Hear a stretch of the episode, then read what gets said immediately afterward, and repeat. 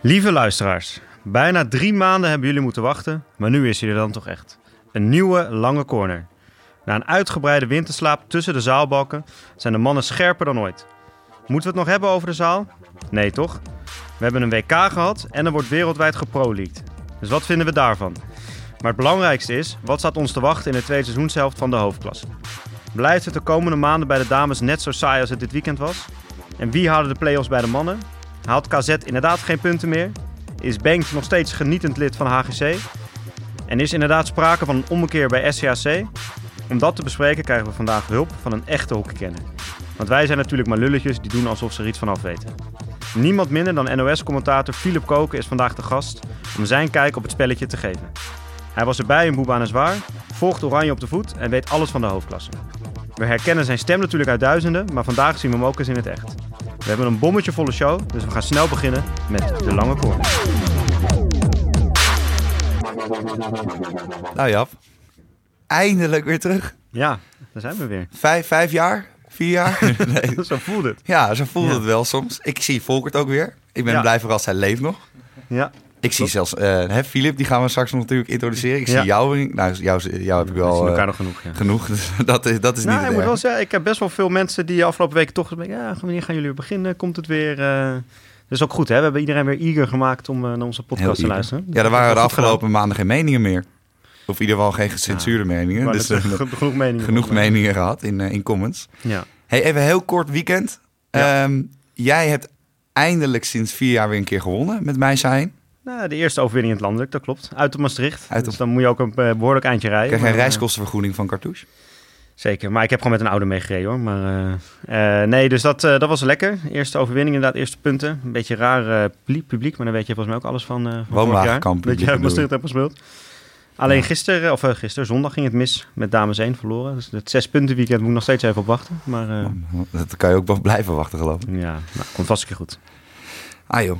Hey, jij en, bent van de videotoren gewaaid, hoorde ik eh, zaterdag. nou, ik had het nog net met Filip over, want die moest bij Oranje-Rood van de vi- videotol af. Of die ging van de videotol af. Ik Mhm. bleef zitten bij Hurley. Eh, Hurley is, eh, is de nieuwe aanvliegroute van, van Schiphol. Ook omdat onze videotoren tegenwoordig zo hoog is dat hij als tweede hè, controlepunt kan worden gebruikt voor de landingsbanen. Dus, eh, maar ik stond daar op eh, te filmen voor de breedte, vraag me niet waarom, eh, voor coachavond. En ik eh, ben ongeveer acht keer ervan afgewaaid. Dus ik dacht op een gegeven moment, nou, ik ga weer, weer Ah, naar beneden. mensen die jou niet kennen, die alleen luisteren, die weten natuurlijk, jij bent natuurlijk ook bijna twee meter. Dus, Ja. dus die videotoren wordt nog een stukje hoger als jij erop staat. Ja, dat was echt En levensgevaarlijk. hoge bomen vangen veel wind, hè? Dus Ja, dat helpt ook niet mee dan. hey, en ehm, hij is er. Hij is er, ja. Helemaal naar ons toegekomen. We hebben natuurlijk als Rick gehad, Ja, maar nu hebben we Filip Koker. Filip, welkom. Dank je, ik zwelg helemaal van jullie. Lange, lange introductie. Ja, nee, de introducties zijn hier langer dan de podcast. hey Filip, ehm, heel kort. NOS-commentator. Of commentator bij de NOS, laten we het zo zeggen. Eh, en natuurlijk vanaf nu ook vriend van de show. Oh. Ja, ja, dat wordt je hier al heel Dat is, dat, is een dat is een promotie, een hele snelle Ja, we, tijd. we hebben weinig vrienden, veel vijanden. Dus de vrienden die we hebben, die koesteren we.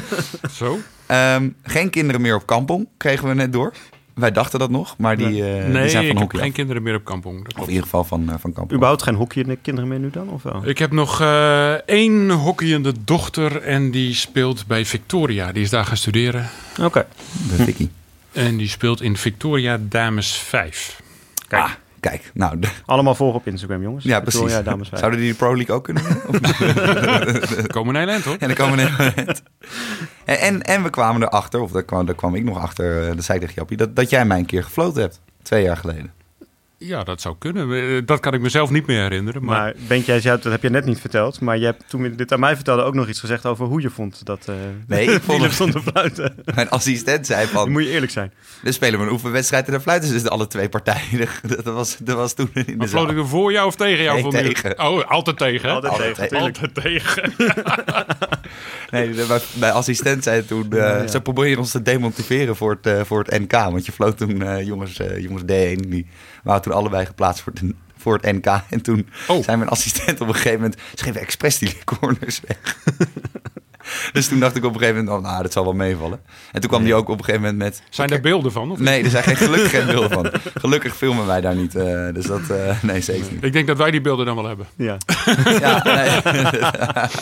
nee, dat zou wel heel erg veel, eh, veel goed maken inderdaad.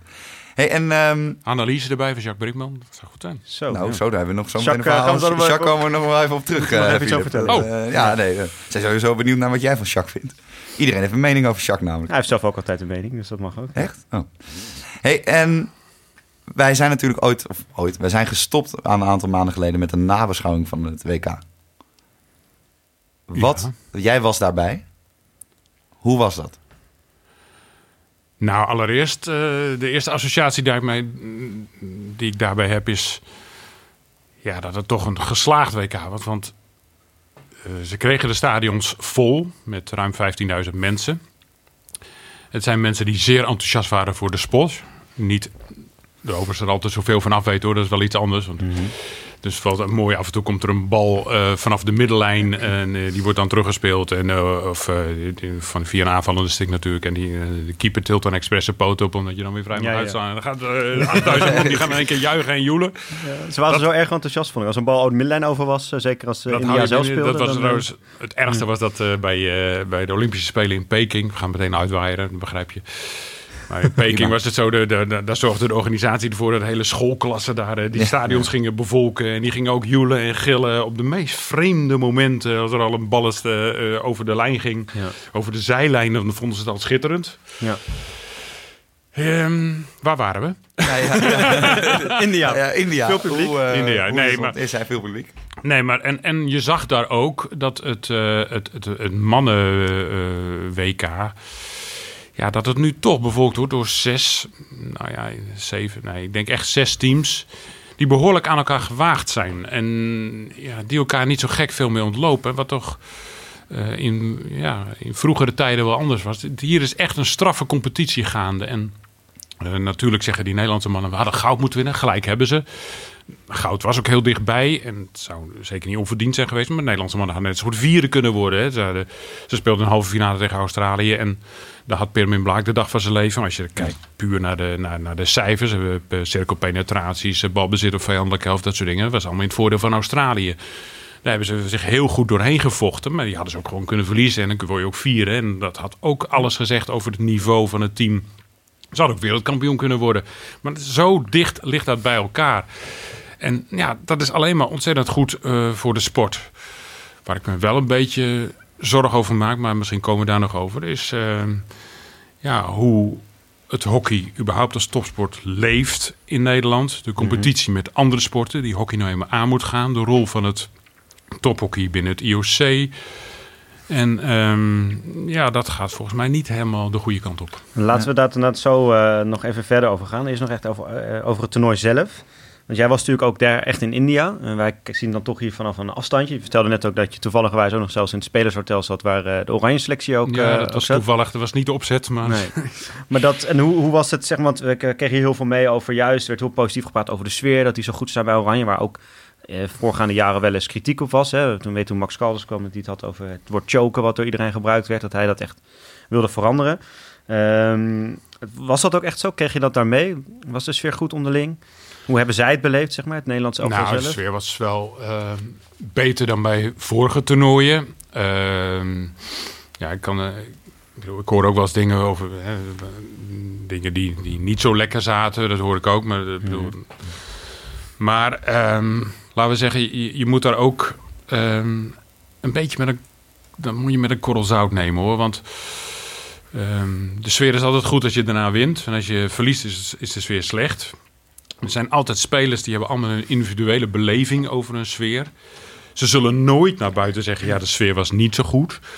Eh, als je kijkt in de opbouw naar de eh, Olympische Spelen van Rio bij die mannen, zeggen ze allemaal, het was een geweldige sfeer, het was goed. Eh, kijk de beelden maar na nu. Je, je schrikt echt als je dat ziet. Eh, terwijl we met terugwerkende kracht, horen, terugwerkende kracht horen dat die sfeer helemaal niet goed was. En dat er dingen fundamenteel toen fout zaten in dat team, wat later allemaal gecorrigeerd moest worden. Ja. Dus, ehm, en bovendien, ehm, ja, ik hoor wel het een en ander over het Nederlands team, maar ik weet beslist niet alles natuurlijk. Nee. Eh, eh, niemand weet alles. Eh, en ik weet uit onderzoek uit het verleden, waarin ik dingen ging reconstrueren van het Nederlands team, dat sommige spelers individueel ook een totaal andere beleving hebben van Ja. hoe de sfeer was dan weer anderen. Dus je moet er echt mee uitkijken. Ja, ik denk, weet je, dat wij ook allebei als, Bengt en ik ook als coach die ervaring hebben. Je bent, iedereen heeft natuurlijk een eigen perceptie inderdaad op hoe Ja. het gegaan is. En met de, hoeveel mannen gaan er, 22, 23 man gaan daarheen?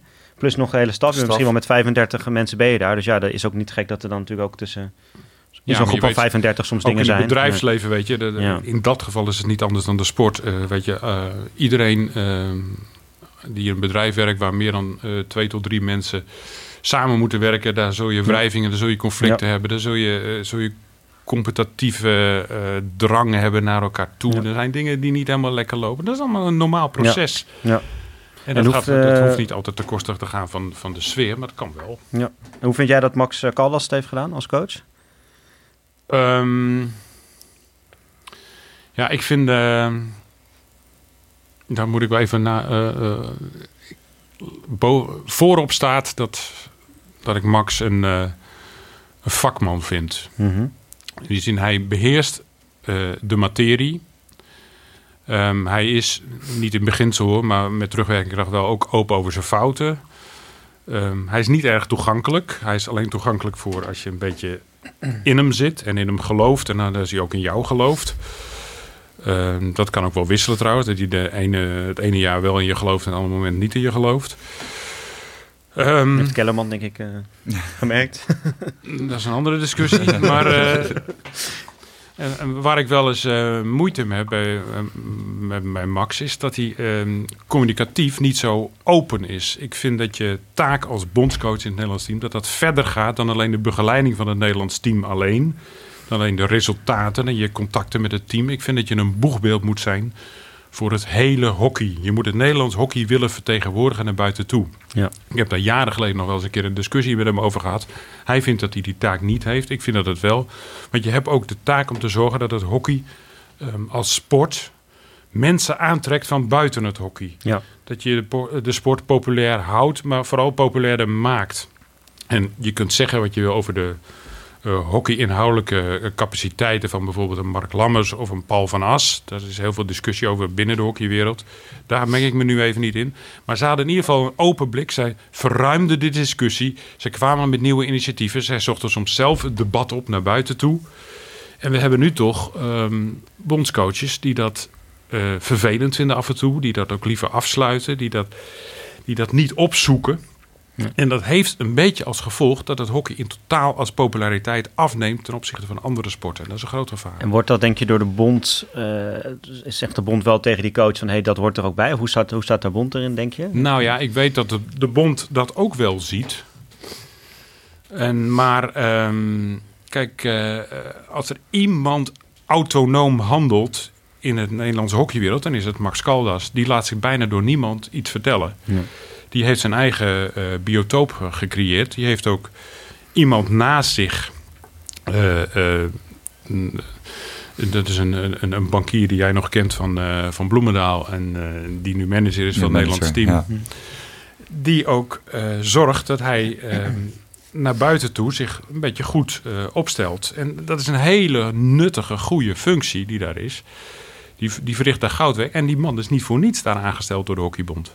Ja, je kan hem ook moeilijk, hè? Ik bedoel, hij heeft nu eh uit mijn hoofd vier grote toernooien gespeeld. Twee EK's, één Olympische Spelen, één WK. Dus één keer tweede geworden, twee keer gewonnen en één keer vierde geworden. Dus er, zijn, er zijn mensen die het slechter hebben gedaan dan Max. In het verleden. Jazeker. Met jazeker. meer materiaal. Op sommige momenten. Maar je moet ook een beetje eh, kijken naar de, de doelstellingen zoals ze zijn geformuleerd door de Hockeybond. Dan wordt er toch eh, voornamelijk gerefereerd aan WK's en Olympische Spelen die Nederland eens in de zoveel tijd zou moeten winnen. Ja. Hm. En vind je dat dan dat iemand dan moet worden Ja, afgerekend ik op vind niet gelijk als je een shootout serie eh, Nee. verliest dat je dan meteen iemand daarop moet afrekenen. Je moet er op een breed proces rekenen. Maar, maar Rio, dat is echt compleet fout gegaan. Ja.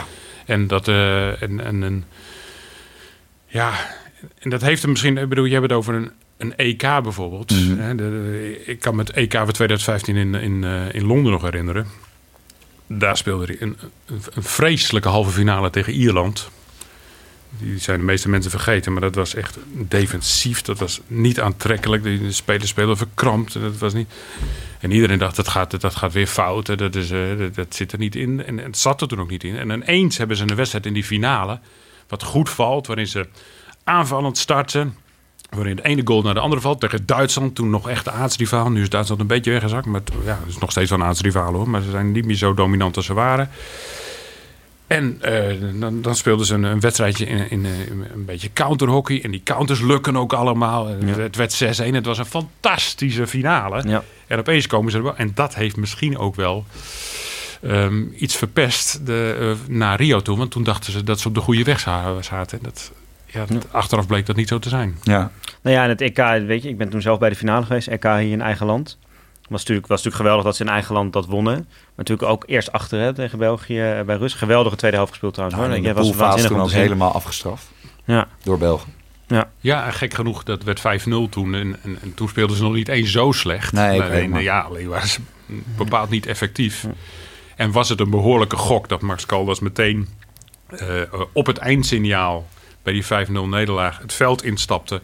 En ging roepen tegen alle spelers: goed gespeeld, goed Ja. gedaan, geweldig Ja, gespeeld, ja. geweldig gedaan. Het was een soort, en het was een act en daarmee heeft hij eh, hoog spel gespeeld. Maar ja, als je die finale wint, dan komt dat goed uit. En Ja. het zou als een boemerang bij hem zijn teruggekomen als hij die finale had verloren. Ja. Vind je dat hij, vind je dat hij te veel... eh, ik, ik vind namelijk wel hè, ik, eh, ehm, dat hij redelijk veel switcht de afgelopen jaren in eh, visie. In ieder geval naar buiten toe, communicatie. Hè, bij, voor Rio moest het allemaal op proces en, eh, en, en eh, hè, hard zijn tegen elkaar... en bepaalde structuren erin en dat soort dingen. Toen ging het in, in, in Rio ging het niet goed. Toen moest het daarna weer op, hè, op, op team en met elkaar en gevoel en... Ja, ik herinner me dat ook nog uit zijn periode als damesbondscoach. Had hij op een gegeven moment zo'n kreet van form is king. Oh ja.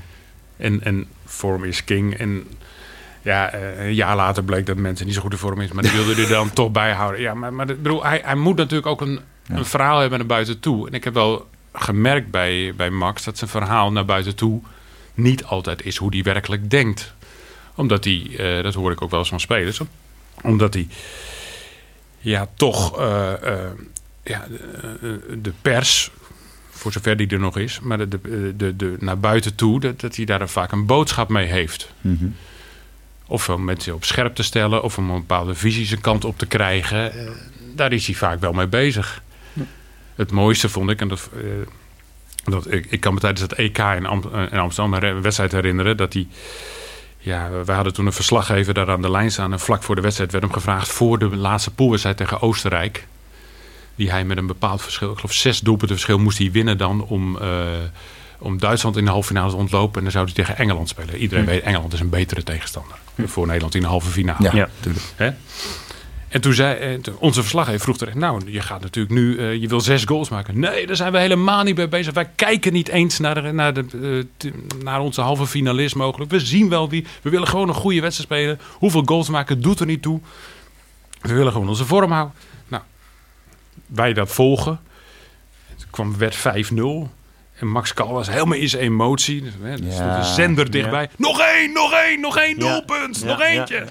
Ja. En, eh, Live reconstructie van Max Ja. Caldas hier live in de uitzending. en, en toen maakten we eh, toen maakte ze een zesde doel. eh, Konden we het allemaal volgen. En nu vasthouden! En nu vasthouden! Ja. Ik bedoel, hij Ja. zegt natuurlijk wel iets anders dan Ja. hij werkelijk vindt en meent. Tuurlijk. Ja.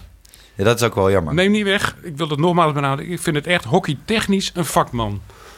En, en, en, en hij is bezeten van zijn vak. Ja. Misschien iets te... Ja, misschien heb je ook wel gewoon niet de, bestaat de ideale, weet je, want bij Paul van As was inderdaad weer eens de, hè, die had geen diploma, zo was heel veel kritiek op natuurlijk. Hè. Er waren ze gaan ijshockey met z'n allen in de winter. Nou, was ook de vraag van laat hij tegen, die was van- meer van een lossere aanpak ook volgens mij. Die Maar die was naar de buiten toe wel weer heel, heel sterk. Eh Mark Lammers was heel innovatief natuurlijk, maar ook in die tijd was niet iedereen daar natuurlijk in hockeywereld eh, altijd op te wachten. nog, Paul van Assen, die- dat is toen Teun en Taken buiten het team. Ja. En toen zat hij zelfs in nieuwsuren. hè. Ja. Ja. Er kwamen de eh, eh, buitenlandse journalisten gingen mij toen bellen van hoe dat nou zat. Eh, en of je het nou een goede of een slechte bent, dat doet er even niet toe. En hoe dat zat. Maar die man die heeft iets geopend en met zijn, met zijn Hè, van als je bomen kapt, dan kunnen we- struiken krijgen dan meer licht en die kunnen Ja. dan gaan groeien. Het zijn mooie metaforen, mooie beeldspraken. Hij heeft eh, heel veel voorstanders gehad, heel veel tegenstanders gehad, maar hij heeft de discussie geopend, wat je er ook Ja. van vindt. En alle mensen toen die in sport geïnteresseerd zijn, of ze een hockeyliefhebber waren of niet, Volgt, die eh, bemoeiden ja. zich en die bemoeiden. En nu is dat stil, het is doods.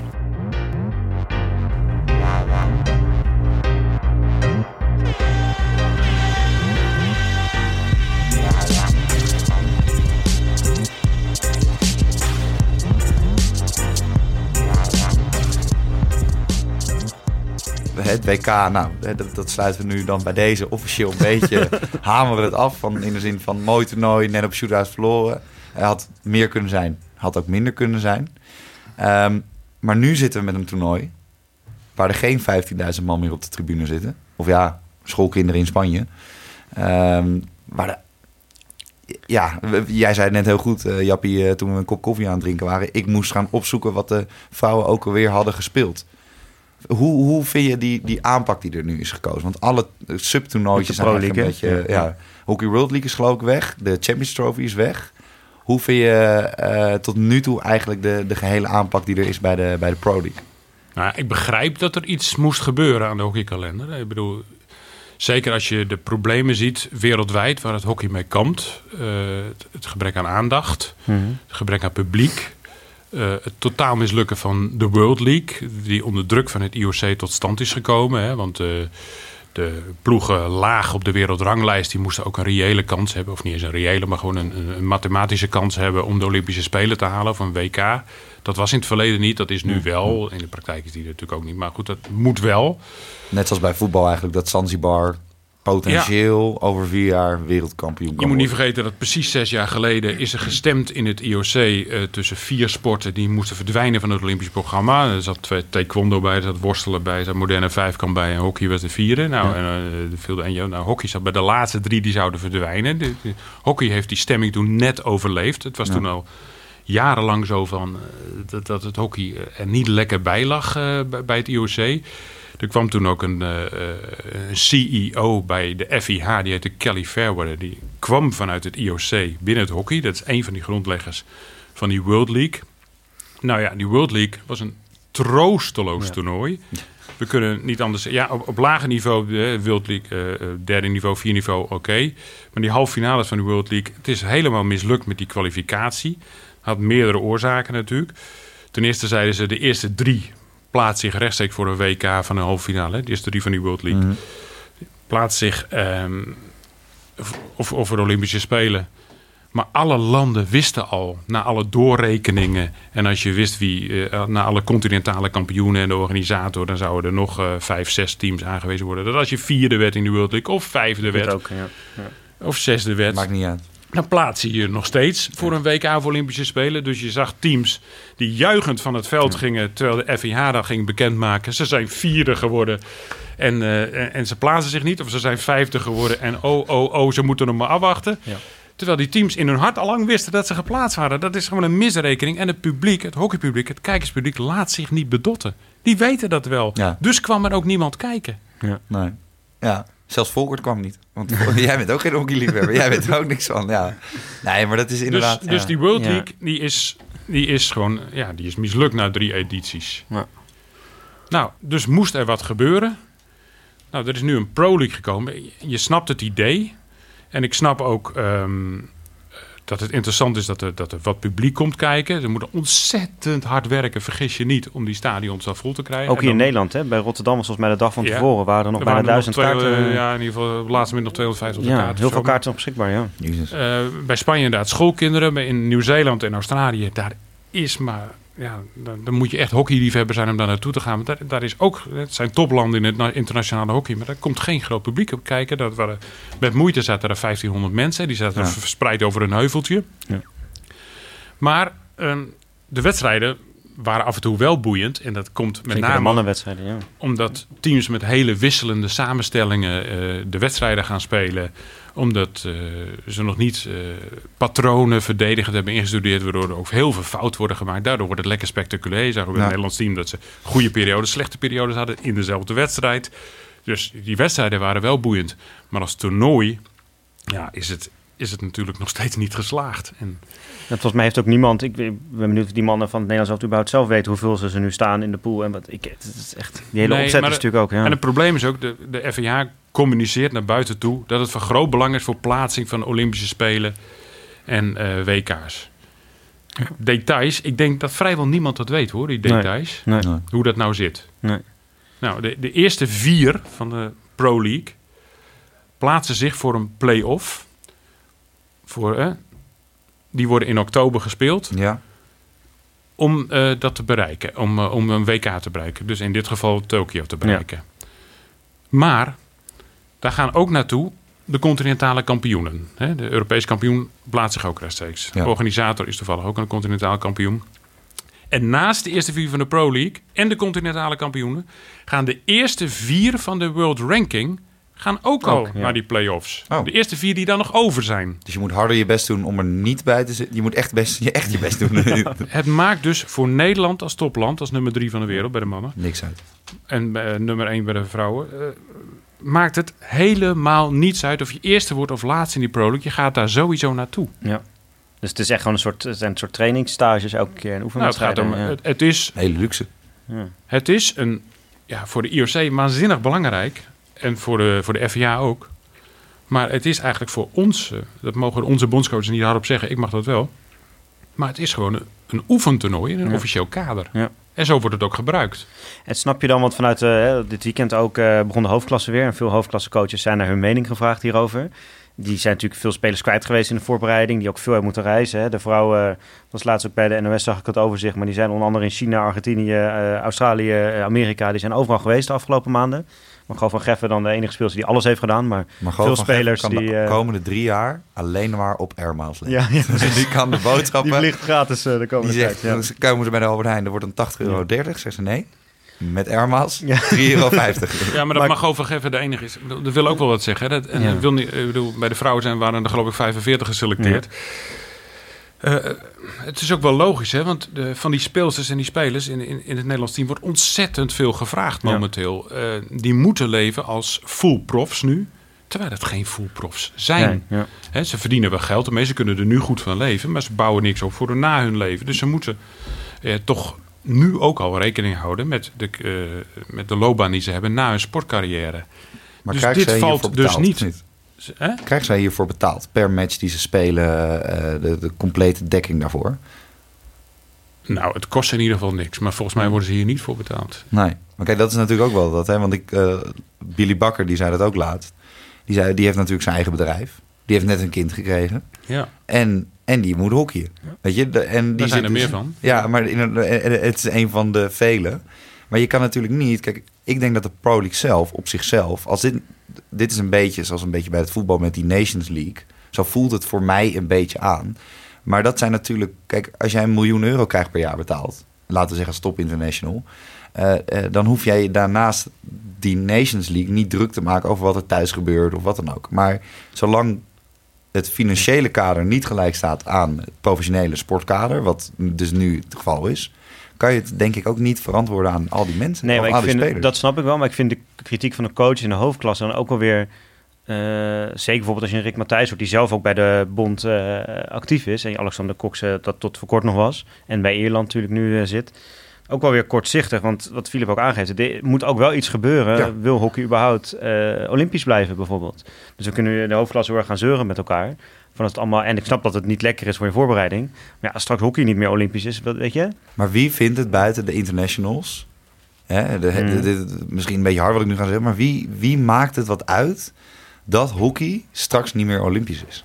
Nou, dat, ik denk dat je daarin vergist. Ja? Ja. Want kijk, Ik uit- denk dat, dat ze dat allemaal zeer belangrijk vinden. Want ze, bedoel, ehm, ze spelen niet alleen in het Nederlands team. Hockey zit ook echt in hun DNA en in hun bloed. En je ziet bij al die internationals, ook als ze gestopt zijn, dat ze toch, ja, soms, soms gaan ze er een paar jaar tussenuit. Omdat ze eventjes rust willen nemen. Maar ze komen toch altijd weer terug bij hun oude liefde. Mhm. In een, een of andere functie. Of, of alleen maar als liefhebber.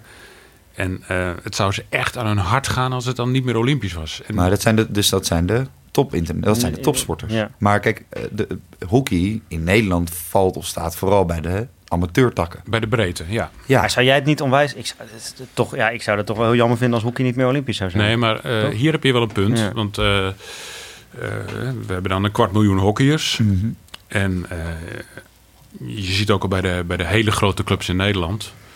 Eh, ik geloof dat jij, jij speelde in de tiende, toch? ja. Jij speelde in de tiende, ja. En we gaan Nou, volgend jaar naar Heren 8 toe. en- eh, en- Gelukkig hockey ik niet meer. Heel goed. Vorig jaar in de 23ste. Maar jij bent nog geïnteresseerd in, in het tophockey. Maar ik denk dat er heel veel clubs zijn waar eh, eh, dames eh 5 tot en met 15 en heren eh 6 tot en met 26 totaal niet geïnteresseerd zijn in wat heren 1 en dames 1 doet. Die, die leven hun eigen leven, die zitten in hun studententeam of, eh, of een gezelligheidsteam.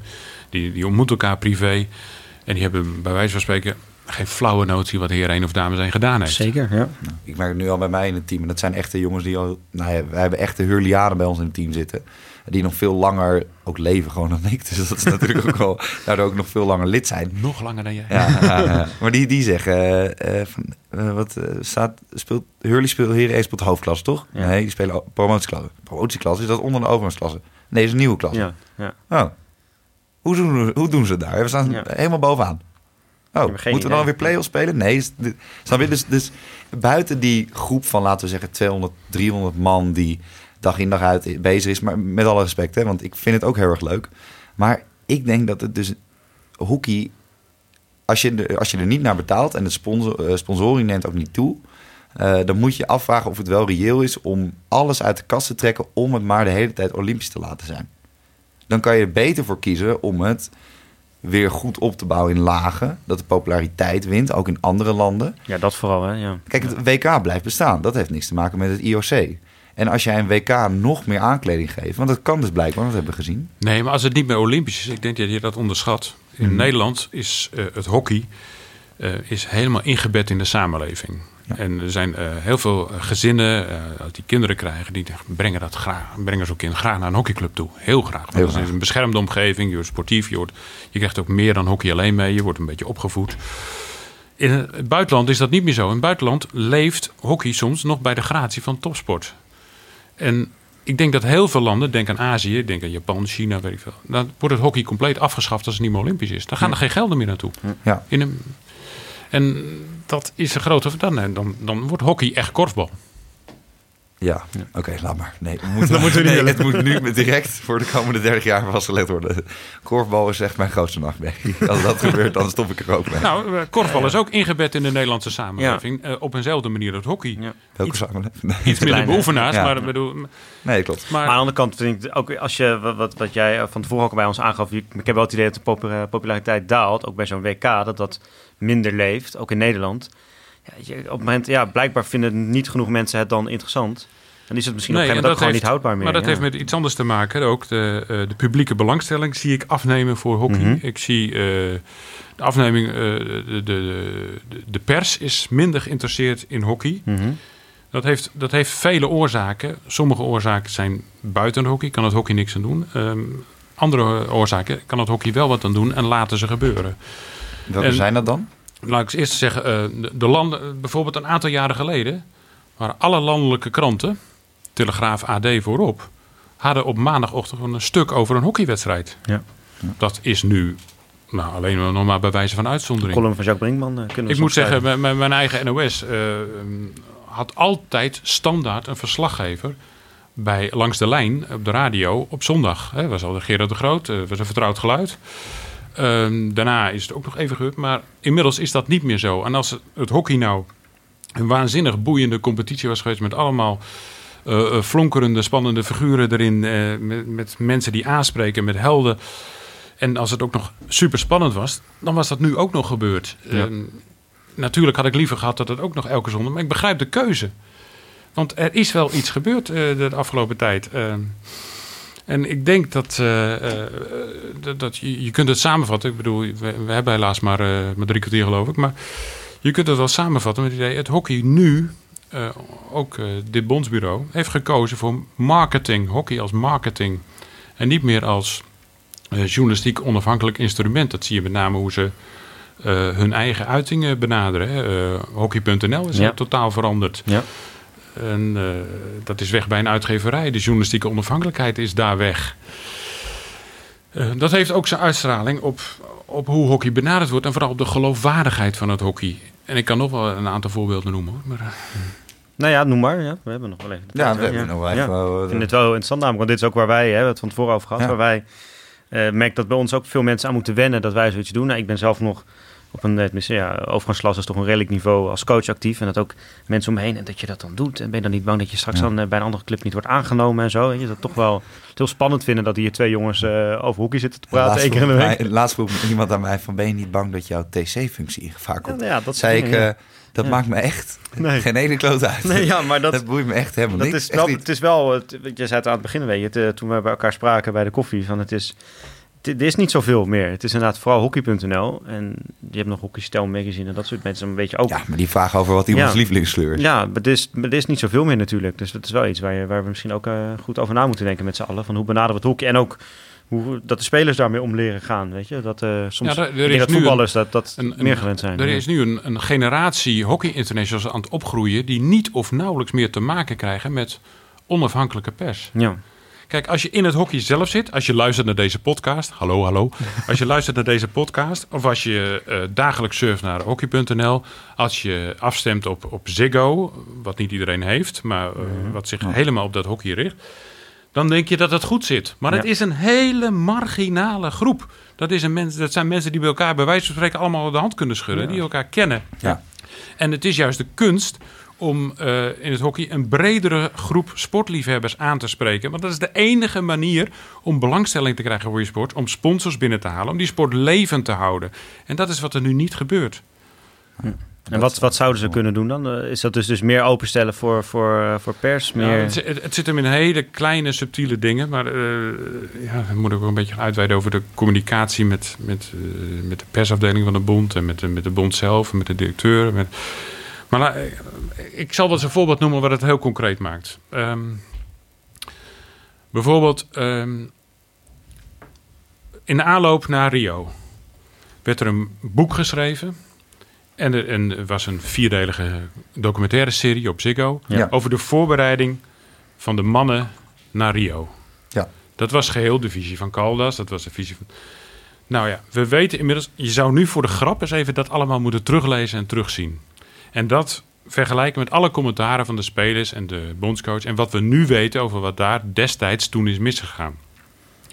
Hè, spelers hebben ook gezegd inmiddels, ook in het openbaar, van we hadden al in aanloop er al helemaal geen vertrouwen in. Hmm. Want er zaten dingen gewoon fundamenteel niet goed. Als je naar die documentaire kijkt, die onder regie van de Bond en van Caldas tot stand is gekomen, als je het boek, geldt hetzelfde voor. Als je dat nu terugleest, dan denk je, ja, dit is gewoon, dit is reclame. Ja. Ja. Dit heeft kantjes van propaganda. Nou ja, zo de, Dat mag ja. hoor. Ja. Maar leg dat nou naast ehm, wat er in 2006 is gebeurd met de documentaire Goud van die hockeydames. Daar lag de regie bij de maker, Ja. bij Nick Koppen, de regisseur. Dat is toen onder Johan Wakkie gebeurd. Johan Wakkie hield van een beetje reuring. in Ja. Johan houdt er wel van. Ja. Nou, maar die wist ook wat goed was voor de. Eh, Ik moet erbij zeggen, zolang die reuring maar niet over hem persoonlijk ging. Ja. Want daar kon hij weer niet tegen. Zo was hij dan ook wel weer. Werd hij Maar- boos achter zijn snor. Ja, nou, maar dan, dan kon hij echt opstandig worden. Ja. En, ook, eh, en, en dan had hij ook wel maniertjes voor om dat eh, linksom of rechtsom eens op slinkse manier om Ja. dat weer tegen te werken. Maar je hield er wel van, dus het hockey een beetje een opspraak. Hij zei, dat is namelijk goed voor beide kanten. Het moet wrijven. Het, het, het wrijft ook. En, en dat is alleen maar goed. Er zijn ook de, de verantwoordelijkheid voor die documentaire werd neergelegd bij Nick Koppen, bij de regisseur. En achteraf was natuurlijk iedereen blij met die documentaire. Mark Lammers had er wel aanmerkingen over. Hè. Die, vond, die vond bepaalde scènes hadden er niet in gemoeten, aan bepaalde Mhm. scènes wel. En dat hoort ook zo. Hij was natuurlijk redelijk uitsproken over zijn speels of zo ook, eh, in sommige Maakt niet scènes. uit ja. wat. eh, Ja. Er zitten namelijk ook dingen in die, er, die je onwelgevallig voorkomen. En dat hoort ook zo. Want een regisseur heeft een andere blik. Die kijkt naar een groot publiek. Terwijl een, een, een, een bond of een bondscoach denkt alleen... hoe kom ik er het beste uit? Ja. En, en wat levert het mij op? Als het het succes van Rio werd al verkocht in die documentaire... en werd al verkocht in dat boek. Terwijl het er nog niet eens was. En die documentaire van 2006, dat goud, dat had alle kanten uitgekund. Ja. Daarom is het ook een heel goedkoop eh, excuus om nu te gaan zeggen... ja, logisch dat die documentaire eh, wel succes was. Want dus ze wonnen daar Dat goud wonnen, en. Rio Ja. niet. Nee, dat heeft er niks mee te maken. Want als, die, als ze daar zilver hadden gewonnen... en die zilver had gegeten of brons had gewonnen... bron- was het net zo succesvol Misschien geworden. wel, Het was een authentiek beeld. Ja. En het, het, het wrijft natuurlijk. En er komen vonken van. En juist in die vonken zijn mensen geïnteresseerd. Daar komen ze op af. En dus was dat een hele goede documentaire. Die is ook en best wel dus goed moet bekeken, een toch? bond moet het risico lopen, Ja. Bewust of onbewust, dat je, de, dat je niet meer ehm, de zeggenschap in eigen handen wil houden. Want dat is jouw vak niet. Het Nee. is jouw taak ook Nee. niet. En je moet die vrijheid gunnen aan een Ja. ander. En nu wordt er vanuit marketingdoeleinden gedacht dat ze het allemaal in eigen, land, eh, eigen hand moeten houden. En dat ze bang zijn dat er iets negatiefs naar buiten komt.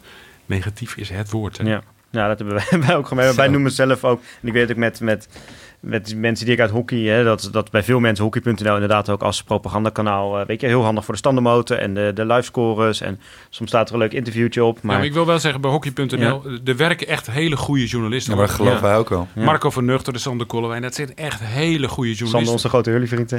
Nou ja, het maakt niet uit. Maar het zijn echt goede Ja, journalisten. ja. Maar als zij een goed en doorwrocht artikel zouden willen maken... waarom bijvoorbeeld de houdbaarheidsdata van een bondscoach is overschreden... Ja. dan kan dat niet, Niet, op die site. Nee. En, dat ma en hockeyliefhebbers weten dat. Ja. Die voelen dat. Sommigen zullen zeggen, die echt helemaal met dat hockey verknocht zijn... ja, dat is ook niet nodig, moet alleen maar positief nieuws hebben. is goed, maar het is geen journalistiek criterium. En dan sluit je heel veel andere mensen mee buiten. En vooral, het gaat ten koste van de geloofwaardigheid van de sport. Ja. En die heb je zo nodig nu. Nou, het was dat- dat- ook vorig jaar met dat eh, stuk over Stichtse dames. Waarom ze weer, hè, waarom weer niet lukt, eh, en Ja. et cetera. Dat was eindelijk op, op hockey.nl, moeten we ook weer zeggen. Onze Ja. grote vrienden. Ehm, was wel een heel kritisch stuk. Maar toen kreeg je ook vanuit de hele hockeygemeenschap... en vooral vanuit Stichtse natuurlijk dan. En Stichtse vanuit oud zijn natuurlijk best wel een... Nou ja, daar, daar zit wel een kliekje, om het zo maar te zeggen. Kreeg je Elke, ook- elke club hoor. ja, nee, maar... En, en daar kreeg je ook weer een hele grote klap van. Dus het, het werkt ook wel... Ja, de, de, de hockeywereld Nou, zit nou niet zo, flexibel je, in. We hebben een, een paar maanden geleden toen eh, die afscheidsinterland eh, op Hurley werd gespeeld. Was het tegen Ierland volgens mij? Toen, Ja, ja. Toen was daar een stukje over geschreven door Sander Kollewijn toevallig. Over, het was, het werd Hurley redelijk te kakken gezet, weet je. Nou, want je mag allemaal prima, maar het was, weet je, eindelijk weer een stophockey op Hurley. En eh, weet je, dat ze nooit meer kampioen worden. Ik En weet ik niet het dat allemaal. jullie daar te gevoelig voor moeten zijn. Nee hoor, Nee, nee, weet we ik ook niet. Maar het grappige wij dus, wij, wij hadden dat gezien. En ik, nou weet je, dat is het leuk, gaan we even bespreken in de podcast dinsdag. En wat, ik had wat screenshots gemaakt op mijn telefoon en naar Bengt gestuurd. Kijk eens wat hij over Hurley schrijft. En eh, eh, toen gingen we dat bespreken dinsdag. En ik op hockey.nl een stuk erbij houden. En er zijn gewoon hele passages hele uitgehaald. passage is Zijn weggehaald. gewoon weggehaald uit dat stuk. Want jij hebt nog het oude stuk. Had ja, ik had die oude foto's nog. Dat hebben we ook zo besproken in de podcast. Nou, dit vind ik helemaal slap, weet je. Als je gaat dan niet je keutel weer intrekken, zeg maar. Nee. En, en hij had waren ook helemaal gelijk. weggehaald. Want Hurley is absoluut een club waar absoluut geen topsport wordt bedreven. ik zag ik zit laatst meer, ik namelijk, niks eh, ik zag namelijk keepers met eh, elektrische steppen door het clubhuis naar het buffet rijden. ik bedoel, dat was het meest surrealistische beeld wat ik ooit heb gezien op een hockeyclub. En dat zegt wel, eh, dat zegt wel wat. Ja. Maar, ehm, nee, maar ja, ik- Ja, maar toen dacht ik, echt, waarom wordt dit nou, Ja. weet je? Het was inderdaad helemaal niet zo erg. Wij vonden het gewoon grappig om het te bespreken. hè. ja, en dat de kruideniers van het bosje en dat Ja, soort dingen. ja, een beetje, Ja, maar is het- kijk, om maar even terug te komen met die Pro Ja. League. Ja, ja, daar hadden we het over. Ja. Nee, ja, daar hadden we het over een tijdje geleden. Eh, nog, twee dingen even over die Pro League. dat want dat vind ik toch belangrijk om te zien. Tuurlijk. Er wordt ook gezegd vanuit die Pro League, van FIA, ja, ehm, eh, het is een doelstelling van de FIA om alle landen wat dichter bij elkaar te brengen. En eh, om de competitie breder te maken. De Pro League doet het tegenovergestelde. Want het is een gesloten competitie. Bij de mannen zijn er nog acht ploegen. Hè. Pakistan viel er nog uit toen eenmaal de eerste wedstrijd al gespeeld was van de Ja. Pro League. Hadden we ook bij het WK al zien aankomen hoor. Maar, ehm, en de World Ranking is van gigantisch groot belang eh, bij de play-offs om de, eh, om de spelen te bereiken. Want eh, als je, eh, stel dat Nederland die, die play-offs zou moeten spelen, dan gaat het als nummer drie van de wereld spelen tegen een laagst gerankt land. De eerste drie van die zich plaatsen voor die play-offs spelen tegen de laatste drie. En de- daar wordt dan in gelood. Dus Ja. Nederland zou dan gaan spelen tegen Schotland, pak een beet. Altijd lastig uit. Altijd lastig. Nou, Weet je niet hoeveel veld hebt. dat soort dingen. Daarom, Ja. En die World Ranking is dus voor lagere landen van groot belang. Om, nou, en wat gebeurt er nou met die Pro League? De winnaar van de Pro League krijgt, ik heb het even opgeschreven, 700 eh, World Ranking punten. De nummer laatst, de nummer 8, krijgt 500 punten bij de mannen. Nou heb je een, op het tweede niveau heb je de World Series. Ja? De winnaar daarvan krijgt 500 punten.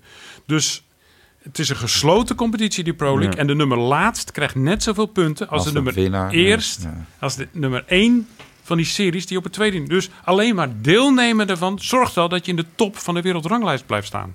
Ja. Dat is wel absurd eigenlijk. Ja. Kijk, Ja. kijk, daarom hebben we Philip Kook uitgenodigd dit zijn echt... Ik, nee, dat, eh, Volkert kan dit nooit vertellen. Nee. Volkert heeft dan wel weer een Nee. eh, heel vet En van de Pro League is het jammer ehm, dat eh, ja, er bijna. De, de, de FIH heeft nu een keuze gemaakt om voor het geld te gaan. In alle doelstellingen, in alle plannen staat nu: hockey moet meer geld genereren. Dat staat bovenaan. Wereldhockey heeft geld nodig. En dus worden de rechten van die, eh, van die Pro League. Die zijn verkocht allemaal aan betaaltelevisiestations. Hè? Bij ons is dat Ziggo. ja. Nou, dat, eh Ziggo heeft het overigens geweldig gedaan, want geen ander station is erin gezet. NOS kan dat helemaal niet uitzenden, om vele redenen. We hebben geen eigen kanaal. Maar, eh, ja. maar bijvoorbeeld eh, de Verenigde Staten Nederland, één uur s'nachts bij de vrouwen, nul kijkers. En dat is zo laag dat het niet meetbaar is. Ah, dat is een beetje... Hè, Argentinië, zijn Nederland. Ja, Bengt, Bengt heeft gekeken hoor. Argentinië, kijker. Nederland, de vrouwen, dat was nog op het, bij Ziggo, dat had iets van 2000. Eh, eh, je krijgt 10.000 eh, kijkers had je voor Nederland-Duitsland bij de mannen eh, op een dinsdagavond voor eh, Real Madrid-Ajax. We hadden Spanje-Nederland om 11 uur 's ochtends, had 8000 kijkers. Eh, we moeten nog blij zijn met Ziggo, echt dat ze het Ja. willen doen. Ja. Maar het is een hele kleine, minuscule niche die dat doet. En Nederland staat er niet alleen in. We hebben Telenet in België. In Duitsland heb je DAZN, DAZN. Je hebt BT Sports in Engeland. Daar kijkt bijna niemand naar. Je moet ervoor betalen. Dus je richt je alleen op die doorgewinterde hockeyfan. Die kosten wat het kost dat wil zien. FIA heeft ook een eigen YouTube-kanaal Ja. nu. Moet Ja. je ook op abonneren. Ja. Het is ook de bedoeling dat dat geld genereert. Er komen nooit cijfers van vrij. Dat voorspel ik je. Die gaan dat niet in het openbaar verspreiden. Hoeveel mensen daar precies naar kijken. Want dat zou wel eens heel erg kunnen tegenvallen. Dus eh, ja, ze, ze doen dit omdat het geld oplevert. Maar niet omdat er veel mensen kijken. Want dat gebeurt niet. Nee. En dat is een keuze die je maakt. En zo wordt ja, ook eh, hockey een beetje een sport in de marge. Ja. Laten we het Pro League, eh, want ik denk dat we het heel goed hebben uitgelegd. In ieder geval, Philip heeft het heel goed uitgelegd. En eh, voor die nul kijkers die bleven kijken tijdens nul Nederland, luisteraars en die die nog diehards. Ik vind het een beetje geflatteerde cijfers, maar keep on going, keep staying strong. Maar laten we ehm, heel kort nog even naar de hoofdklasse gaan.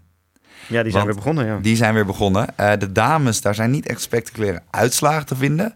Ehm, maar er heeft wel een grote ontslagronde plaatsgevonden. Zo, ja. Eh, de vraag is nu, ben je, eh, welke coach ben je van de hoofdklasse? Dat is niet de vraag, maar coach je nog wel in de hoofdklasse dit volgende seizoen? Ja, even kijken. Want Hurley is een wissel geweest. Pinoquet is nu ook net bekend geworden. Hè? Daan Sabel, assistent die het over gaat Ja. nemen. HDM. Bloemendaal, nieuwe coach. HDM is een wissel geweest. Ja. Amsterdam krijgt een nieuwe coach na het seizoen. Huizen krijgt een nieuwe coach na het seizoen. Daaronder nog in de promotieklasse Nijmegen, HGC en Almere... waar de coach eh, gaat Ja. stoppen. Het is een behoorlijke waslijst geworden. Dus iedereen die eh, nog zin heeft om iets te gaan doen op zondag... die eh, heeft genoeg kans om te solliciteren, volgens mij. Ja, en je hebt ook een paar clubs. En ik ben dan Hurliaan, maar ik ga er toch even over beginnen. Eh Jorgen Nolte is in de winter natuurlijk eh, is hij vertrokken. Of moest hij weg. Hè? Dat, dat laten ze even in het midden goed over, onderling overleggen, heet dat tegenwoordig. Ja. Ehm, kijk, en ehm, je neemt een coach aan bij heel veel hoofdklasseclubs niet om landskampioen te worden. Of je hebt een heel onrealistisch beeld van hoe de hoofdklasse dames in elkaar zit. Maar je hebt een coach, denk ik, neem je aan om spelers op te leiden, uithangbord te zijn voor je club, een bepaalde visie te willen uitstralen. En ehm, er zijn te veel clubs, vind ik, die de ambitie hebben om aan te sluiten bij die top 4. En die hebben niet een realistisch beeld van wat er nou precies rondloopt. Eh, als je de afgelopen weken ook weer de top 4 ziet. Hè, Amsterdam heeft het even moeilijk tegen Pinoquet. Dat zien we echt wel. Die waren ook voor het Ehm, eerst met elkaar, zoals Rick Matthijssen Ja, die, waren, die zagen elkaar voor het eerst weer in vier maanden. Die dachten van, Ja. zit ik nog wel bij jou in het team? Wie ben jij ook alweer? Wie Ja. ben jij ook alweer? Met naambordjes werken. Maar eh, gelukkig hebben we rugnummers met namen. Maar die winnen uiteindelijk wel.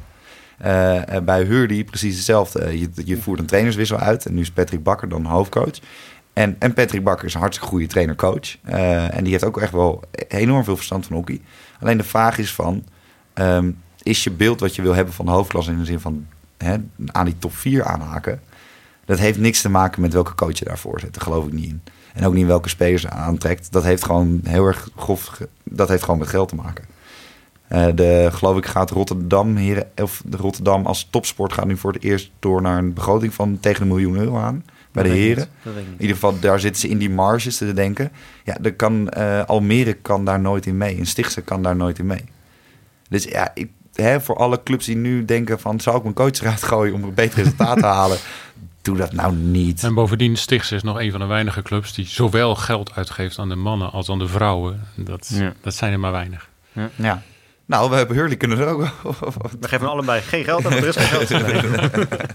nee hoor. nee, maar dat klopt inderdaad. Weet je, je kan niet... Maar ik moet ook wel zeggen, dat is, er zijn ook wel behoorlijk wat coaches, eh, Rick Matthijssen, Boas Jansen bij Huizen, Nee, die zelf hebben aangegeven Ja, ja, van ik, eh, na dit seizoen vind ik het mooi Nou, hè. bij Huizen was het een eh, two-way street. Om het zo te Jawel, maar volgens mij vond hij het zelf ook wel. eh, Weet je. Dus, eh, wat mij trouwens nog opviel, voordat we denk ik nog even over de heren hebben. De wedstrijden waren inderdaad verder niet heel bijzonder. Was een interview met Rick Matthijssen na afloop. Eh, had de pet van Paul van As geleend trouwens, zag ik. Maar eh, hij had het nog even over de Pro League, maar dat hebben we al besproken. Maar hij heeft natuurlijk een tijd geleden aangekondigd, ik stop en ik wil graag de mannen iets gaan doen. Dus wij riep, ik riep eigenlijk meteen, volgens mij gaat hij Pinoquet heren in doen. Maar het was gewoon, vonden wij allebei een goed gewoon een gok was dat. Ja.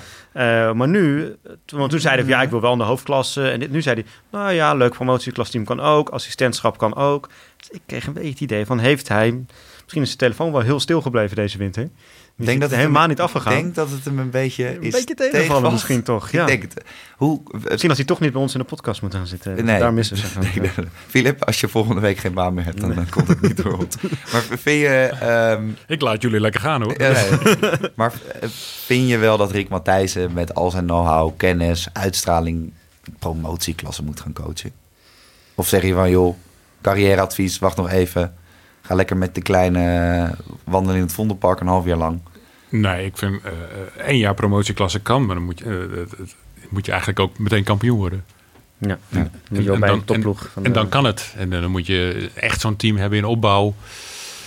Waarvan je zeker weet dat het ook de mogelijkheden heeft dat het je jaar daarna nog ook in de hoofdklasse kan meedraaien. En, en, en dan is het geen degradatie. Maar vind zo'n club maar eens. Ja, zoveel Hurley. Nou ja, maar zoveel teams zijn Dit het jaar. Hurley Heren 1 dan. Nee. Ja, maar die gaat, dat zijn toch Hurley geen- is toch een beetje het, het Ja. Volendam van het hockey. eh, Godsamme, nu worden we... Nee, nee, nee, Nee, dat maar ik bedoel, Nee, eh, ook. in, de, in de historie, ze gaan erin, ze gaan eruit, ze gaan erin, ze gaan eruit. En, en, en dat is helemaal geen schande, want, eh Maar dit jaar bij de Maar promotieklasse... wie- wie is er in de heeft, niet, heeft niet de promotie, bedragen van Amsterdam. Dus nee. dit, dit- dit- dat, is, dat is helemaal niet gek. Wie is er nu in de promotieklasse dan een team? Weet je, ik zie, weet je, Cartouche staat redelijk hoog daar. eh, weet je, eh, de Scharweide staat hoog. Er zijn toch allemaal ook niet echt teams die...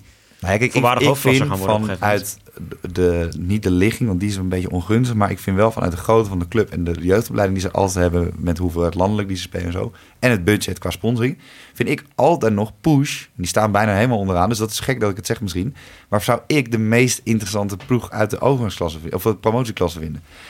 Dat is een club met meer dan 2800 leden nu uit mijn hoofd. Maar dat lijkt me echt geen club voor Rick Matthijs. Nee, dat lijkt me. Nee, dat weet ik. Nee, dat weet ik. Dus, dus daarom. Maar dat zou ik Nee. wel een hele interessante club vinden. Maar goed. Nou, ja, Rauwe Ere blijft trouwens nog, hè, was ook deze week eh, bekend geworden. Ja. Maar dat eh, misschien nog even kort wel leuk ik zie nu de kop al. Bengt Schuitenmaker vindt Push Ja. een leuke club. Wie denk jij dat de kampioen wordt trouwens, Filip? De Nee, ik zeg geen leuke club, een goede club daarvoor. Eh, sorry. Ja, ik bedoel, dat, ik bedoel kijk, eh, bij- de vrouwencompetitie hadden we het net over. Ja. Eh, voor de topclubs is eh, de, de vrouwen, de reguliere competitie is gewoon één lange voorbereiding op weg naar de play-offs. En, beetje als de League is voor het Nederlands elftal is... nou, nou ja, vind ik ook competitie. geen, rake vergelijking. Maar, en, en, en dat Den Bosch de meeste kansen heeft op grond van het verleden en mentaliteit en piek op het juiste moment. Dat, ja, dat lijkt me duidelijk. Maar dat er eens een keer een moment komt dat bijvoorbeeld Stichtse toe kan slaan. Ja, zou dit jaar moeten. Ja, ik zeg ook Stichtse. Jij zei Stichtse, ik zei. Den Bosch aan het begin van het. En wie gaat er degraderen? Ja, ik vrees toch Groningen, maar dat, Ja. dat, dat, dat vind ik vreselijk. Want ik, eh, ik ben eh, voor een goede spreiding van het hockey in het hele land. En dan heb je Mhm. Groningen hard nodig. Hm. Ik ben zelf nog opgegroeid eh, in het hockey in het noorden des lands. Ah, kijk. Daar Maar eh, daar komt die liefde over niet vandaan. Nee, maar, ik vind, nee. maar ik vind gewoon dat... eh, ja, ik zou het ook goed vinden als een, als een club als, als Maastricht. wie maar gewoon, of een, of een Zeeuwse club. Maar, Ja. maar het hockey moet verspreid worden. Het moet Ja. alleen niet een randstedelijke aangelegenheid zijn... met, met wat Brabantse Ja. invloeden. Hij zijn natuurlijk bij elke sport is het bijna zo. En bij het voetbal is dat ook zo. Want ik hoorde laatst dat er in heel Zeeland bijvoorbeeld geen profvoetbalclub is. Vlissingen had je ooit, maar nee. Nee, dus, dus ja, dit is niet natuurlijk... Ik vind het nog wel ruim verspreid eigenlijk, het hockey. We hebben natuurlijk nu weer die in het zuiden aan het opkomen is. Ja, Met, maar soms is het moeilijk, want je, je houdt Nee, nooit een, eh, een team bij elkaar in. Dat soort op een gegeven moment dan gaan die Nee, die gaan studeren, gaan ja. studeren, gaan ze ook weer naar die steden. Je houdt ze niet bij elkaar. En eh, je, je bent bijna gedwongen om, eh, om je te concentreren op studentensteden als het om topploegen gaat. Ja. Maar het is, ja, het, is, het is wel jammer. Ja. Waar jij ook toe gedwongen werd eh, de afgelopen weken, Filip, was, oh het, eh, jee, wat komt er nu? was het rennen voor bomen, het uitkijken voor videotorens en het uitkijken voor eh, eh, auto's die door de... Goals die omwaaiden. Goal. En, ja. Wat was er aan de hand bij Oranje-Rood? Nou, het waaide nogal. Nou, het waaide nog wel. Was het, Nee, maar ja, ja, we zagen het eigenlijk van tevoren al aankomen en toch anticipeerde nauwelijks op, omdat het ja, zo sporadisch voorkomt. Ik heb het ook wel eens bij Bloemendaal gehad dat de wedstrijd werd gestaakt omdat een doel niet blijft staan in, ja, in, eh, in windkracht 8. Maar eh, ja, nu, nu stonden we op een toren. Ehm, de cameraman, dapper, dapper, dapper, Peter Bakker, je was geweldig. Maar die, heeft, die, die is Shout-out Peter. ja, goed Peter. Maar die is op het hoogste treedje gaan staan. En die dacht, dit kan helemaal niet. Die is naar beneden gegaan, heeft een tuigje gehaald. Heeft zichzelf ingesnoerd, vastgesnoerd. En is gaan beginnen met- filmen. Na 20 minuten zei hij, jongens, dit gaat echt niet meer. Die is naar beneden gegaan. En heeft, is naar de andere kant van het stadion gelopen. Heeft in de luwte van het clubhuis, waar de wind een beetje werd gebroken... nog vanaf de andere kant gedraaid.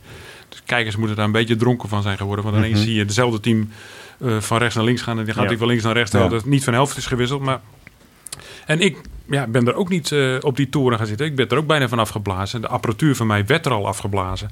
Dus ik ben in de regiewagen gaan zitten en heb daar maar commentaar gegeven. En ja, dan hoor je inderdaad op je koptelefoon dat de speaker ineens omroept dat er vier auto's zijn verpletterd onder, eh, onder een vallende boom. En dan gaan, zie je iedereen gaan luisteren van... oh, wordt mijn nummerbord ook... eh, Ja. Je zei dat de speelsters en de, speler, of de spelers zelfs dachten van... Ja, maar die konden denk ik ook niet goed verstaan. Maar Nee. die hebben ongetwijfeld even meegeluisterd van, is dat mijn auto? Ja, het is uh, treurig. Ik hoop maar dat ze goed verzekerd zijn. Want wij, hebben in het, eh, wij hebben in het Amsterdamse bos altijd... Er staan er altijd heel veel auto's verkeer- verkeerd geparkeerd. Want dat is gewoon altijd op zondag zo. Ja. En dan hoor je altijd... iemand met het kenteken heeft zijn knipperlicht aan laten staan... of die staat fout geparkeerd. Wilt u even naar uit gaan lopen? Maar nu had je iemand met het kenteken... dan denkt iedereen fout geparkeerd. Kan gebeuren. Knipperlicht aan. Kan gebeuren. Licht er nou aan. Er is een boom op je auto gevallen. dat is toch wel een hele grote... Ja, en de, de wedstrijd was ook stormachtig, hè? Was een mooie, onze 5-3. eh, favoriete HGC weer, hè? Ik heb een lidmaatschap op eh, HGC... eh, Echt voor waar. dit seizoen. Ja, dat is zo goed hockey. Dat kan je niet. Daar moet je onderdeel van zijn, vind ik. Want Dus- hoe vond jij de wedstrijd zelf, Philip? Je hebt natuurlijk commentaar eh, gedaan.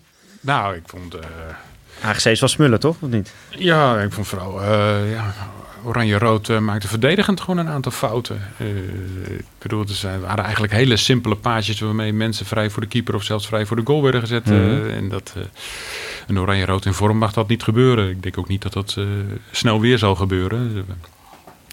Dus, eh, maar ja, inderdaad. En, eh, ja, Jackson was heel goed. Eh, hij is niet al te snel, maar hij is zo slim. Ja. Ik bedoel, Ja. hij, hij kan wel snel zijn, maar hij doet het heel erg bekeken. En eh, dat is toch wel een leider in het veld, eh, zie je. Het, is, Ja. eh, het gaat verder dan zijn corner alleen, hoor. En hoe, ver, hoe ver denk je dat HGC kan komen dit seizoen? Gaan ze play-offs halen? Kunnen ze daar ook echt nou ja, ik breken? had, ik had gedacht dat ze net buiten de boot zouden eh, gaan pissen Ja. eh, aan het begin van het seizoen. Maar je ziet toch wel een eh, behoorlijke ontwikkeling. En ja, hier wie er toe komt. eh, Paul van As heeft daar wel leven in gekregen. Mhm. Want eh, een jaar geleden, toen HGC, eh, toen van bekend werd dat het helemaal leeg liep, de coach wegging, dat er weinig meer van over zou blijven. Ja, dan, Ja. niemand gaf meer een stuiver. Iedereen dacht, dat HGC dat wordt straks een degradatieploeg. Ja, Maar dankzij zijn contacten en zijn inzet. kwam er weer een stuiver naar binnen. Nou ja, en ook wat, wat sponsors die weer, nu, nu weer wel genegen zijn om wat, Ja. wat in te leggen. Heeft HGC toch weer een, eh, een echte topploeg. Ik zie ze geen kampioen worden, ik zie ze wel een rol spelen. Wie, eh, wie gaat de kampioen worden, denk je? Ja, ik heb van het begin van het seizoen heb ik Bloemendaal gezegd. Ja. Ja, ik zei oranje-rood, maar dat gaat... eh, ik zei wel Kan nog steeds hoor, kan nog steeds. Ja, wel de beste selectie, denk ik, hè? Bloemendaal toch wel. nou, dat was op een gegeven moment afgelopen Ja, maar dat hadden ze zondag- vorig jaar Ja. misschien ook wel. Ja, dat is waar. Ja, maar dat was afgelopen zondag wel een moment waar dacht ik, dacht, ja, weet je, toen, toen hoorde je, eh, toen- toen- bij die samenvatting was het Fuchs paas op Schuurman, Schuurman paas op Van Doorn, Van Doorn legde breed op Kroon. Ja, toen dacht ik, ja, godsamme. Maar één ding is zeker, de vier ploegen bij de mannen die zich gaan plaatsen, die kunnen ook allemaal landskampioen worden. Ja, dat is waar. Ja, dat, en bij Daar de vrouwen is dat nog Is steeds dat een oefenpotje. Nee. Den Bosch speelt al 18 jaar oefenpotjes, dus dat is ook wel Dat is heel goed geworden. Nou ja, des te knapper natuurlijk. Want ze Ja, hebben, nee, ze hebben eigenlijk maar ja, vier wedstrijden in het seizoen die, die echt ergens om gaan. Ja, en die En, winnen ze en, en daarin moeten ze presteren. Ja, En dat is knap hoor. Dat is echt knap. ja. Nee, maar dat doen ze ook heel goed inderdaad. En wie gaat het degraderen? Dat is de laatste vraag, voordat we hem gaan afsluiten. Bij de mannen. Oef. Rechtstreeks in ieder geval. Ja, ik denk dat Almere toch weer redt. Dat denk ik ook wel. Met, Ik met denk, nog, Geusie en ik denk nog Pieters. steeds KZ natuurlijk. Hè? Nul punten in de rest van het seizoen. Die overigens wel naar moet je jaar hem gaan vertrekken eh, met z'n tweeën. Ja, nou, ik denk dat Tilburg ook wel moet vrezen. Dat denk ik ook wel. Ja. Tilburg is uiteindelijk niet... eh, Ja, tegen, tegen Den Bosch dit weekend wel eh, knap. Dat is waar. punt. Dan is er nog wel één ding voordat we hem echt helemaal gaan afsluiten. Stichtse. Daar zegt nu iedereen van, dat is de omkeer. Eh, even Nee, propagandakanaal. propaganda, ja, het propagandakanaal zegt dat. Eh, ze hebben gewonnen van KZ, dames en heren. KZ. Die hebben de afgelopen tien jaar eh, niet hoofdklasse gespeeld. dus dit eerste jaar weer dat ze hoofdklasse spelen. Met een, iemand die geen Nederlands praat. overigens als coach, wat niet erg is. Maar laten we het wel even schuurtje, het huisje bij het schuurtje houden. Ik zag ze vorige week hockeyen op Hurley, namelijk oefenwedstrijd tegen Heren 1 Hurley. Die spelen niet in dezelfde klasse, promotieklasse. Je hebt het wel een beetje gepreoccupeerd met, met, met SCSC. Hè? Dat... Nee, ik vind Stichtse een hartstikke leuke club. Jij hebt de dames wel als kampioen voorspeld. Ik heb de dames als kampioen Ja. dit jaar. Dat zullen, ze- Ehm, zullen ze fijn vinden. Ja. En, eh, en, eh, en ik ken best wel wat mensen die daar ook werken en zo. Maar ik vind het hartstikke leuke mensen. Alleen, ze werden toen door Hurley echt helemaal weggetikt. Dus weet je, laten we nou niet... Het, het is gewoon, ze hebben één wedstrijd gewonnen. Dat hebben ze best wel goed gedaan. En ze zijn zaallandskampioen geworden natuurlijk. Dat was wel heel verrassend. Want dat is ook al, geloof ik, 18 jaar Amsterdam voor mijn gevoel. Dat is niet zo, maar...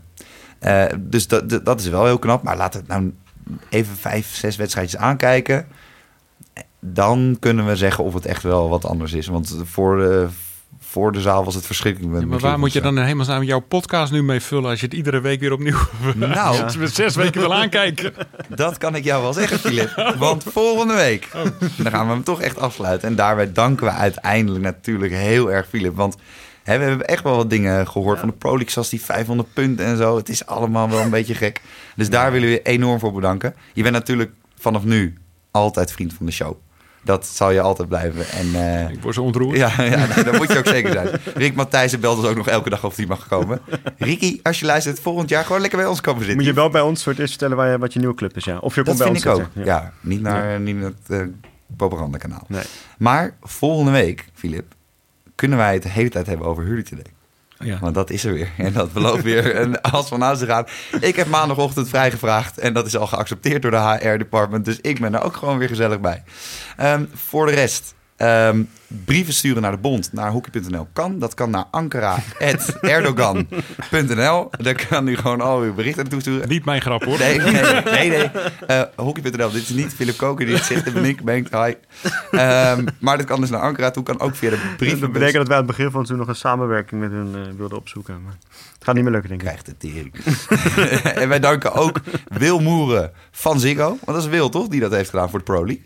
Ja, die heeft de vrolijk aangekocht. Ja, het geld komt uit Amerika. Hè? Dus, Ja, ja, Liberty Global zit erachter. Maar Maar, Wil heeft al de afgelopen jaar zoveel gezeik over zich heen gehad. Eén keer wat positiefs. Wil Moeren, we love you voor de Pro League. Die nul kijkers die hebben gekeken, zet hem op. Knallen. En ik wil daarnaast ook het vest van eh Volker bedanken. Want ik, ik weet niet waar dat koopt. Maar dat vind ik echt heel knap. je moet het nu wel beschrijven, want mensen weten niet hoe die eruit ziet dan. Hè? We doen even, wacht even. Ik maak nu even live een foto van het vest van Philip. Of eh, van Philip, Van van, Volkert. van Volkert. En dat komt dan ook op. Ik doe hem wel met een balkje ervoor, zo met het. Ja. nou ja, eh, dames en heren, als u dit gaat Ja, zien je op weet toch, bij een podcast kunnen mensen niks eh, Nee, daarom hebben we zien, hè? Instagram. Daarom hebben we Ja, Instagram. oké. At de Lange Corner. Eh, daar kunt u ons uiteraard ook volgen. Ook op Twitter. En vergeet je uiteraard niet te abonneren. Want we zijn weer terug, dames en heren. Via iTunes. En laat ook even een sterrenrating achter. Zeg hoeveel, hoeveel je ons hebt gemist. Hè? Beschrijf dat even in de hoeveelheid Pro League kijkers. En voor de niet-Apple mensen. De Lange Corner is ook te vinden via Android apps als Pocketcast en Spotify. Die uiteraard ook via Apple weer te beluisteren zijn. En volg ons ook uiteraard via Instagram en Twitter. Twitter zijn we zeer actief natuurlijk. Hè? Ja, jij moet even aan de bak, jongen. Stuur vooral je vragen in. En, dat zei ik net al, maar we gaan dit weekend weer keihard. Want Hurley Today is. En dat betekent, Filip, ja, je bent een trouwe luisteraar, dus je zou het moeten weten. Maar ik vul me even voor je in. We gaan helemaal naar de Getver.